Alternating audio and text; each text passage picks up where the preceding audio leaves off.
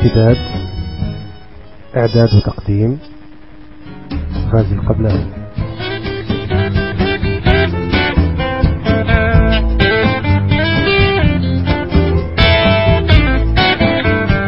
مرحبا بكم في الحلقة الخامسة من برنامج امتداد. امتداد برنامج ثقافي متنوع يبث من لندن على الشبكة العالمية الإنترنت.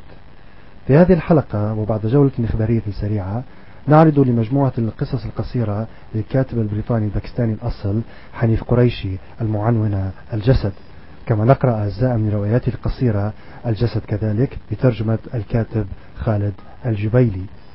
ثم نعرض مسرحية أطفال منتصف الليل للكاتب البريطاني سلمان رشدي والمقتبسة عن رواياته التي تحمل نفس الاسم والتي سبق لها الفوز بجائزة بوكر العام 1982 وقبل الانطلاق هذا خبر ثقافي قصير.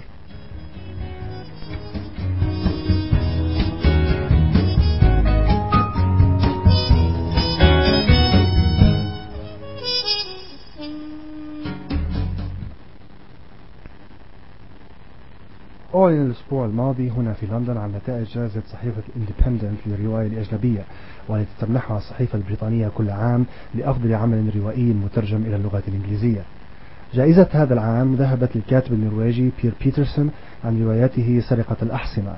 الجائزة ترشح لها هذا العام الكاتب المجري إمري كارتيز عن روايته بلا قدر والذي وسبق أن فاز بجائزة نوبل للآداب العام 2002 الأبواب للكاتب المجرية ماجدا زابو مرسيدس بنز للكاتب البولندي باول هيولي تلك العتمة الباهرة للكاتب المغربي بالفرنسية الطاهر بن جلون ووزارة الألم للكاتب الكرواتي المقيم بهولندا دوبرافكا أوغريسيتش الجائزة تقدر بعشرة آلاف جنيه استرليني تمنح مناصفة بين المؤلف ومترجم الكتاب وهي الأهم على صعيد الأدب المترجم إلى الإنجليزية. وكانت الجائزة انطلقت العام 1990 وفاز بها في دورتها الأولى الكاتب التركي أورهان باموق عن روايته القصر الأبيض. ثم توقفت العام 1995 لتعود من جديد بفضل جهود مجلس الفنون بإنجلترا العام 2001 والآن مع هذه الأغنية للمغنية نورا جونز وويلي نيلسون بعنوان I don't wanna get over you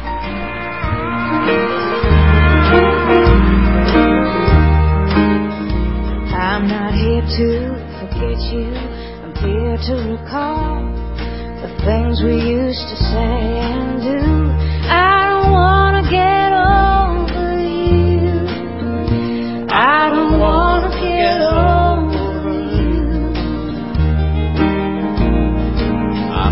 Same places that we used to go. Alone at a table for two.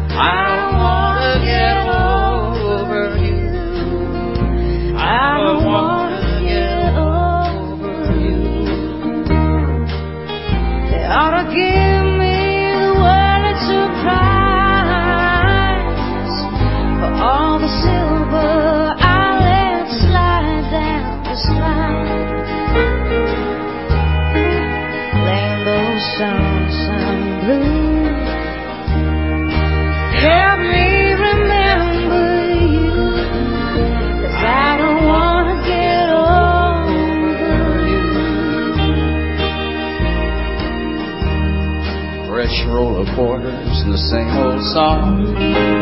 Missing you through and through.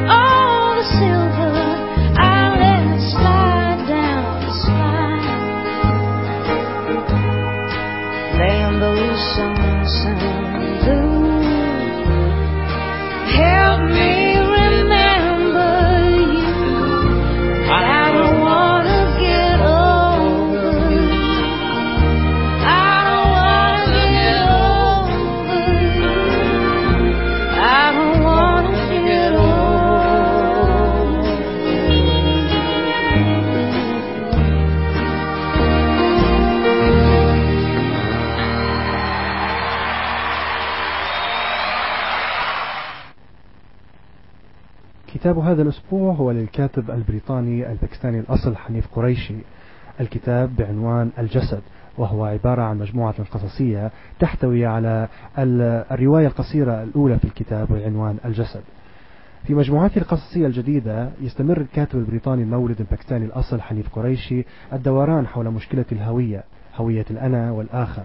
ومثل معظم أعماله السابقة سواء المسرحية منها أو السينمائية أو حتى الروائية يبقى هذا السؤال مفتوحا لا ينتهي بإجابة شافية وربما هذا مرجعه إلى حياة الكاتب نفسها فهو ينتمي إلى عائلة من المهاجرين الباكستانيين الأوائل إلى بريطانيا لكنه لا يحمل من هذا الأصل غير المظهر الخارجي فحتى اللكنة التي تطبع البريطانيين الأسيويين لا وجود لها على الإطلاق على لسانه إنه الجسد الأسيوي والجسد فقط.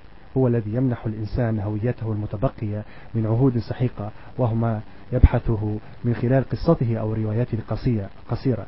فهي تضم 127 آه، صفحة من الكتاب آه، التي عنون بها مجموعته الحديثة والتي ضمت أيضا سبعة قصص أخرى.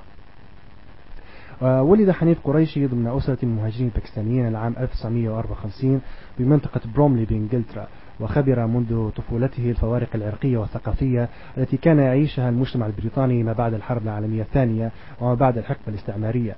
قرر حنيف أن يصبح كاتبا في السن مبكرة والتحق بجامعة لندن لدراسة الفلسفة واضطر إلى إعالة نفسه بكتابة النصوص الجنسية تحت اسم مستعار أنطونيا فرنش وبعد بداية متواضعة بالمسرح الملكي البريطاني أصبح الكاتب المقيم بالمسرح وعرضت أولى مسرحياته العام 1976 بعنوان تبديل الحرارة. ثم العام 1980 الأم البلد التي فازت بجائزة تلفزيون تيمز المسرحية. لكن قطعته الرائعة خط فاصل والتي تدور حول مشاكل المهاجرين بلندن منحته شهرة واسعة العام 1981 ثلاثة في العام نفسه مسرحياته ضواحي وكلتاهما عرضتا على خشبة المسرح الملكي. في العام 1984 دخل قريش عالم السينما من, أوع من أوسع أبوابه من خلال ترشيح أول سيناريو يكتبه آه، من سلة الجميلة لجائزة الأوسكار لأحسن سيناريو للعام 1985 وفي العام 1990 عاد قريشي الظهور من خلال روايته شبه السيرة الذاتية بوذا الضواحي وهي تروي حكاية شاب أسيوي يبحث عن هويته الضائعة في ضواحي مدينة لندن التي تمتلئ بالمهاجرين من المستعمرات البريطانية السابقة. وهي رواية التي فازت فازت بجائزة ويتبريد المرموقة للرواية الأولى. وتم تحويلها إلى سلسلة تلفزيونية عرضت على شاشة البي بي سي العام 1993 العام 1991 دخل قريشي تجربة الإخراج من خلال فيلمه لندن تقتلني والذي قام بكتابة السيناريو كذلك ركز على حياة الشوارع وعصابات المخدرات في لندن. العام 1995 صدرت روايته الثانية الألبوم الأسود والتي دارت حول حياة شاب باكستاني الأصل يقع في معضلة انتماء لأصدقائه المسلمين وحبه لصديقته البيضاء. مجموعته القصصية الأولى صدرت عام 1997 بعنوان الحب في زمن الحزن واقتبست منها آه، قصة ابن المتطرف لإخراجها في فيلم العام 1992 في العام نفسه صدرت روايته الثالثة حميمية وهي الرواية التي ظهرت على الشاشة الكبيرة بالعنوان نفسه وفازت بجائزة آه، الدب الذهبي عن آه، مهرجان برلين السينمائي العام 1999 كما عرضت مسرحياته في نفس العام نامي معي لتصدر في العام 2000 مجموعات القصصية الثانية منتصف الليل كل اليوم. وفي العام 2001 صدرت روايته الرابعة هدية جبريل. العام 2003 سيشهد ظهور فيلم قام بكتابته آه، بعنوان الأم. بخصوص روايته تبدأ أحداث الرواية الرواية القصيرة التي سنقرأ منها أجزاء منها بترجمة الكاتب خالد جبيلي. آه، من خلال سرد قصة مؤلف مسرحي في نهاية السبعينات من العمر يشكو من ترهل الجسد وذبول قوته ليتعرف بعدها في أحد الحفلات على شاب قوي البنية معجب بمسرحياته يدرس التمثيل ويخبره أنه قد شاهد وحضر عروضه المسرحية التي مر عليه أكثر من ربع قرن من الزمن برغم أنه لم يتجاوز العشرين من العمر جسديا. ليخبره بحقيقة أمره وأنه قد يكون أكبر منه في العمر وأنه استطاع أن يستفيد من أبحاث طبية سرية لزراعة دماغ الشخص في جسد فتى يختاره بنفسه. ولأنه يحب المؤلف المسرح المشهور ويرى ما تحول إليه حاله الجسدي واقترابه من الموت يعرض عليه أن يقوم بالعملية نفسها التي قام بها آه، لتجديد شبابه وليستمتع بالحياة ويضيف خبرات جديدة على حياته. وبشكل فانتازي رمزي يسرد المؤلف العجوز قصة وصوله إلى المستشفى السري والمحاط بحراسة مشددة. آه، لنتجول في المستشفى الخالي إلا من الأطباء والممرضات وبعض العجائز الذين يستعدون لامتلاك جسد جديد. وبالطبع العشرات والعشرات من الأجساد الشابة لأشخاص توفوا لأسباب متعددة. أجساد بيضاء سوداء داكنة من ذوي الشعر الأكرت الناعم الأسود الفاحم الأشقر الأحمر الناري. ولك كل الحرية في الاختيار.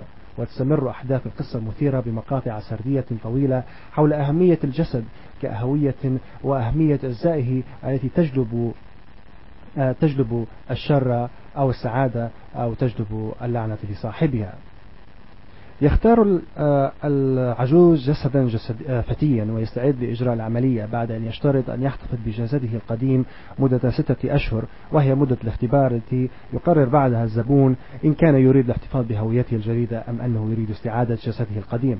لكن الأحداث لا تسير بهذه السهولة فالمؤلف بهويته الجديدة يدفع ضريبة التخلص من هويته القديمة ساعيا لهوية لا يمتلكها.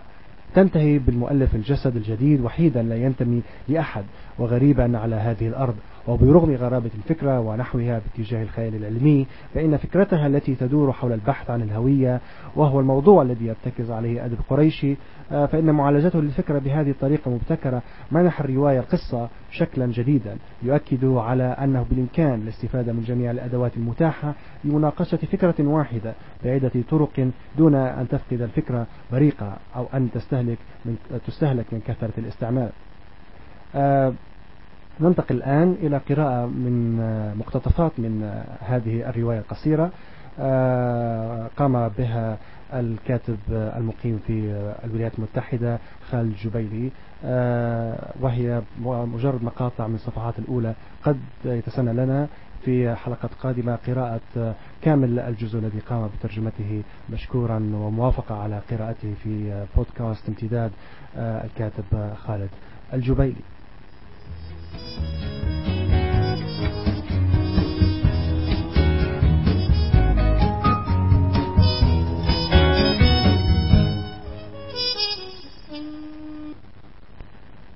الجسد.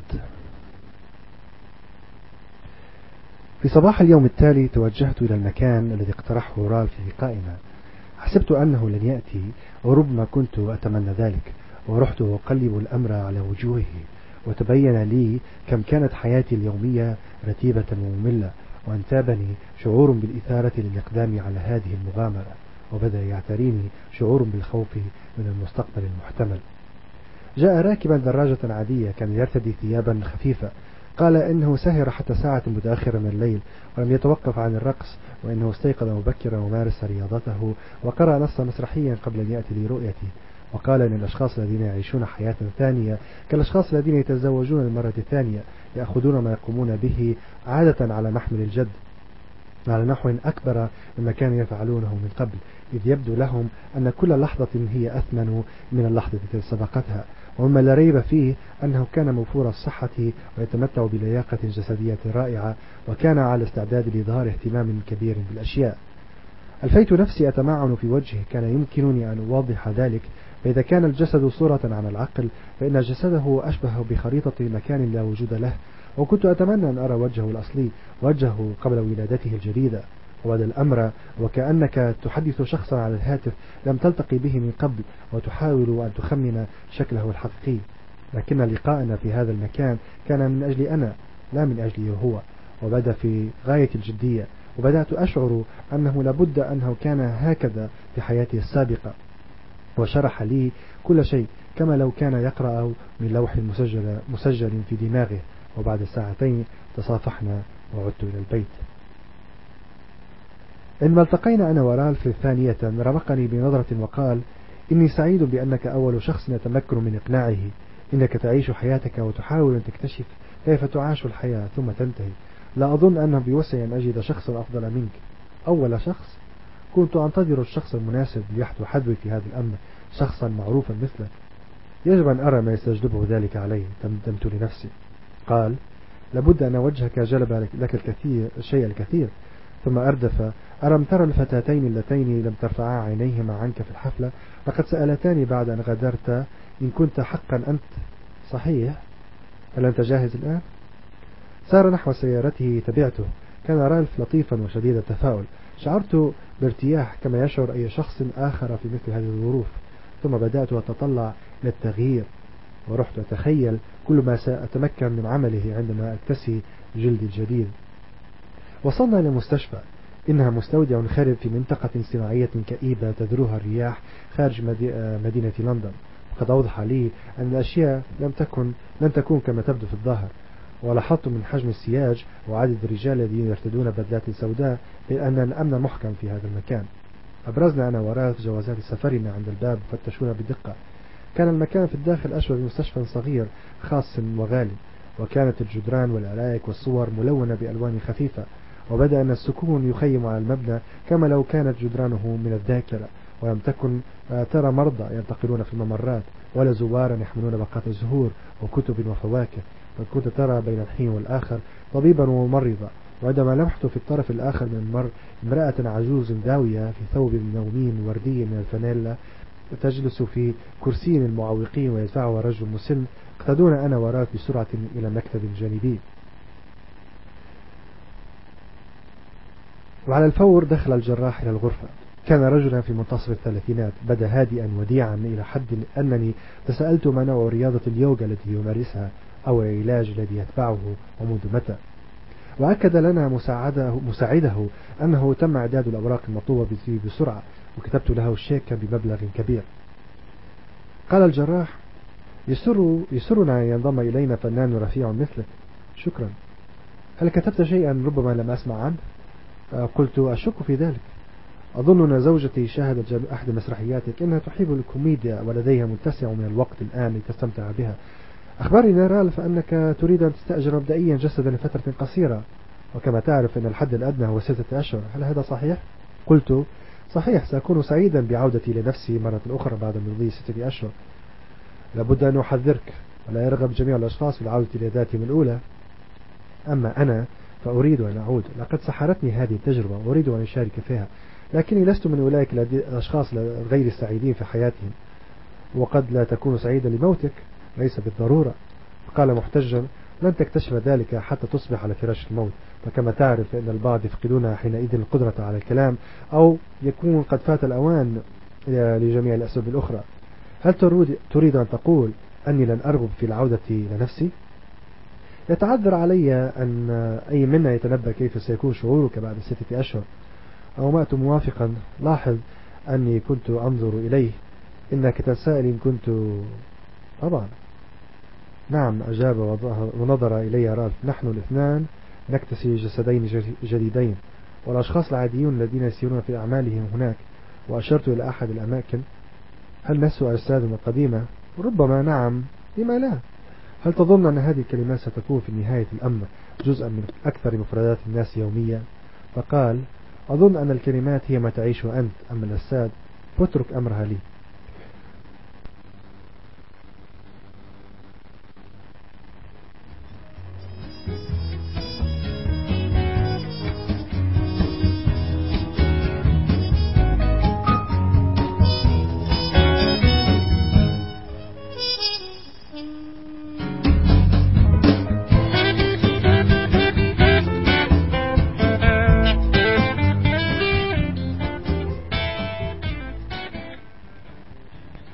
والآن مع هذا العرض لمسرحية الكاتب البريطاني سلمان رشدي أطفال منتصف الليل. عندما فاز الكاتب البريطاني الهندي الأصل سلمان رشدي بجائزة بوكر للعام 1982 عن رائعته أطفال منتصف الليل. أجمع الكثير من النقاد أن هذه الرواية ستلاقي نجاحا منقطع النظير لو أنها عرضت بشكل سينمائي وهو ما قام به رشدي عندما حاول آه، تحويل الرواية إلى سيناريو إنتاجي في صورة فيلم متلفز عبر شاشة التلفزيون البريطاني. إلا أن الفكرة لم تنجح وبقي السيناريو حبرا على ورق منذ وقت طويل إلى أن جاء مطلع آه، العام 2003 ليتم تنفيذها وإنتاجها على خشبة المسرح انبرى لهذا في هذه الفكرة المخرج المسرحي تيم سابل والكاتب المسرحي آه، آه، سايمون ريد. وذلك عن من خلال شركة شكسبير الملكية ذات التاريخ المسرحي الكبير في بريطانيا وشارك في إنتاج العمل كل من جامعة كولومبيا الأمريكية وجامعة وجمعية الجامعة الموسيقية إلى جانب جامعة ميشيغان. آه، عرضت المسرحية في مطلع العام 2003 في أغلب مسارح العاصمة البريطانية لتنطلق آه، بعدها في جولة بريطانية لتصل إلى كارديف نيوكاسل ليفربول ومدينة مانشستر.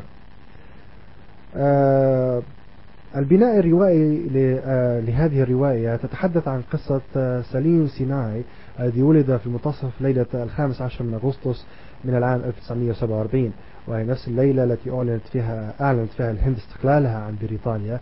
وهو نفس التاريخ الذي تكونت بموجبه بموجبه دولة باكستان بشطريها الغربي والشرقي آه، بعد العام 1971 طبعا آه، أصبح الجانب الجزء الشرقي يعرف ببنغلاديش. هذا التاريخ أصبح هو اللعنة التي لحقت الروائي آه، سليم سناي الذي يبدأ حكايته من العام 1915 بسرد عودة الطبيب أعظم عزيز جد الراوي إلى كشمير موطنه ليبدأ في ممارسة مهنته آه، الطبية في تلك البلاد التي كانت لا تزال بعد بعد أحد جوهرة التاج البريطاني. تتوالى الأحداث ينتقل بعدها أعظم عزيز إلى آجرا هو وزوجته بوسط الهند عشية مجزرة أرمستار التي ارتكبها الإنجليز ضد المتظاهرين ومطالبين بالاستقلال بعد عدة انتقالات أخرى نصل لمدينة دلهي العاصمة حيث نلتقي بأبناء أعظم عزيز ثلاث بنات وابن وحيد. ونلتقي بعدد من الشخوص السياسية والاجتماعية التي تحمل دلالاتها الرمزية. بعد زواج آمنة من أحمد سناي وهما والداء الراوي نصل إلى مدينة بومباي على ساحل بحر العرب. وهناك تمثل أمامنا لحظة ولادة الراوي منتصف ليلة الاستقلال والتي وعدت فيها الحكومة الجديدة بأن كل من يولد في هذه الليلة وبالضبط منتصف الليل سيتم منحه شهادة من رئيس الوزراء وشيكا بمبلغ بسيط ومنها جاءت تسمية الرواية أطفال منتصف الليل. وبعد ولادة سليم سناي نرتحل معه خلال الاضطرابات السياسية التي جرت في شبه القارة الهندية ونرتحل معه إلى باكستان أو أرض الأنقياء. لنعايش أحد الانقلابات العسكرية التي عصفت البلاد في الستينات من القرن الماضي. وبعدها تقرر العائلة بأنه حان الوقت لأن تهاجر بأكملها لتلك الأرض النقية بعيدا عن الهند الأم. سليم الذي يعيش اضطرابات هذا الزمن المجنون يعايش في داخله أحلام جميع الأطفال الذين ولدوا منتصف الليل الاستقلال. والذين برمزية متقنة يولدون ولكل منهم قدرة خارقة تميزه عن بقية الهنود العاديين. ومن ثم يؤسس سليم بداخله جمعية أطفال منتصف الليل للخروج بالهند من مأزقها, مآزقها المتلاحقة. ولكن وبعد تجربة مريرة في الجيش الباكستاني الذي ينضم إليه وعودته السرية للهند تقرر الحكومة الهندية أن أطفال منتصف الليل هم خطر على مستقبل الهند. ولذا يجب أن يمنعوا آه، من إنجاب أي نسل يلوث البلد ويتعرضون إلى عملية تعقيم شاملة وتختفي الجمعية إلى الأبد وينتهي بسليم صناعي مصنع لإنتاج المخللات تديره ممرضة, هندية مسيحية أشرفت على ولادته منتصف ذاك الليل اللعين. العرض المسرحي استغرق العرض المسرحي أكثر من ثلاث ساعات لم يتم فيها التركيز على التصميم الداخلي بقدر ما تم التركيز على الشخوص التي كانت تجوب خشبة المسرح بتقنية الفلاش. ففي ناحية يقف سليم سناي وهو يروي حكايته بينما نشاهد الطرف الآخر من الركح التجسيد لهذا السرد من خلال الشخصيات المتلاحقة إلى أن يدخل سليم نفسه كطرف في هذه السردية.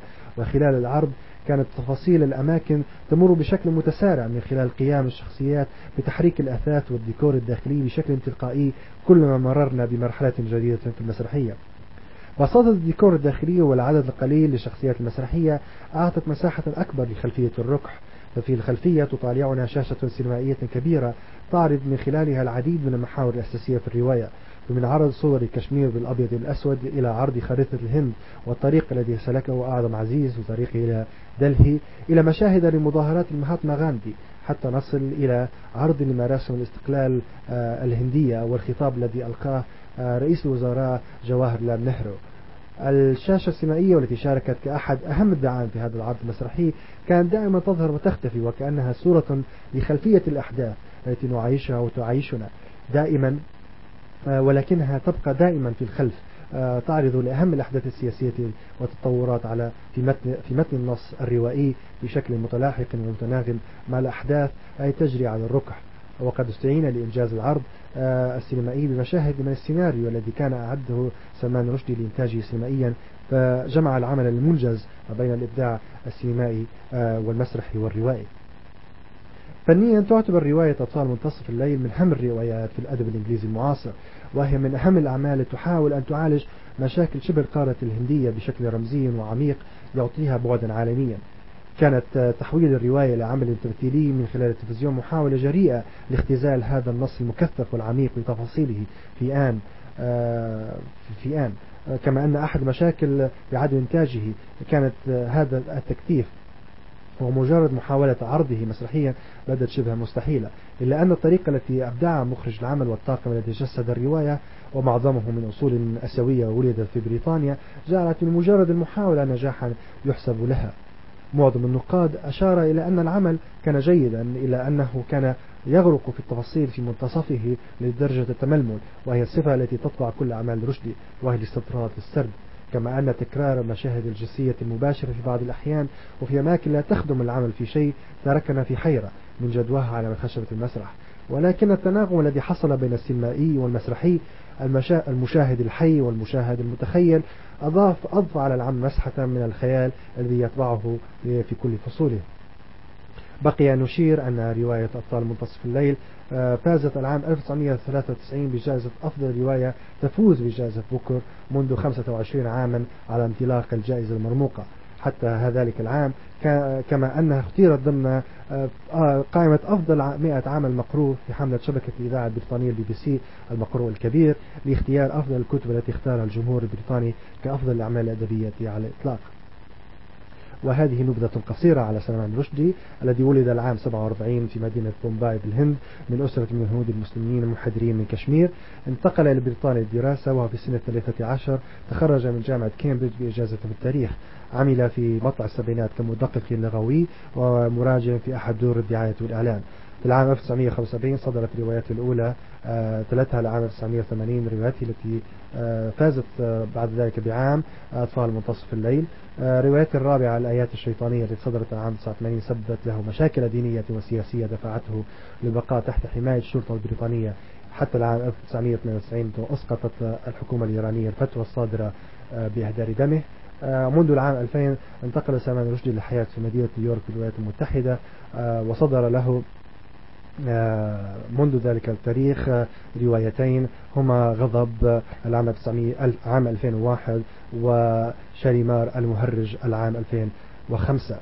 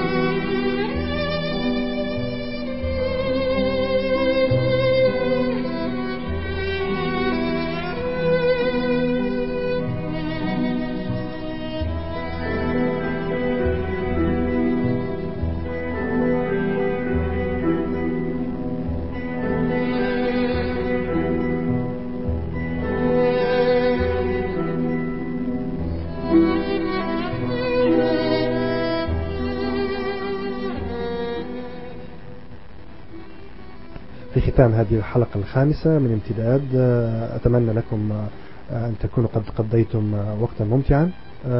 كذلك أنوه بأهمية أن تبعثوا بملاحظاتكم عبر مدونة امتداد وهي امتداد.blogspot.com فهذه الملاحظات وهذه التعليقات تهمني كثيرا. حتى لقاء آخر يتجدد. هذا غازي القبلاوي يحييكم. إلى اللقاء.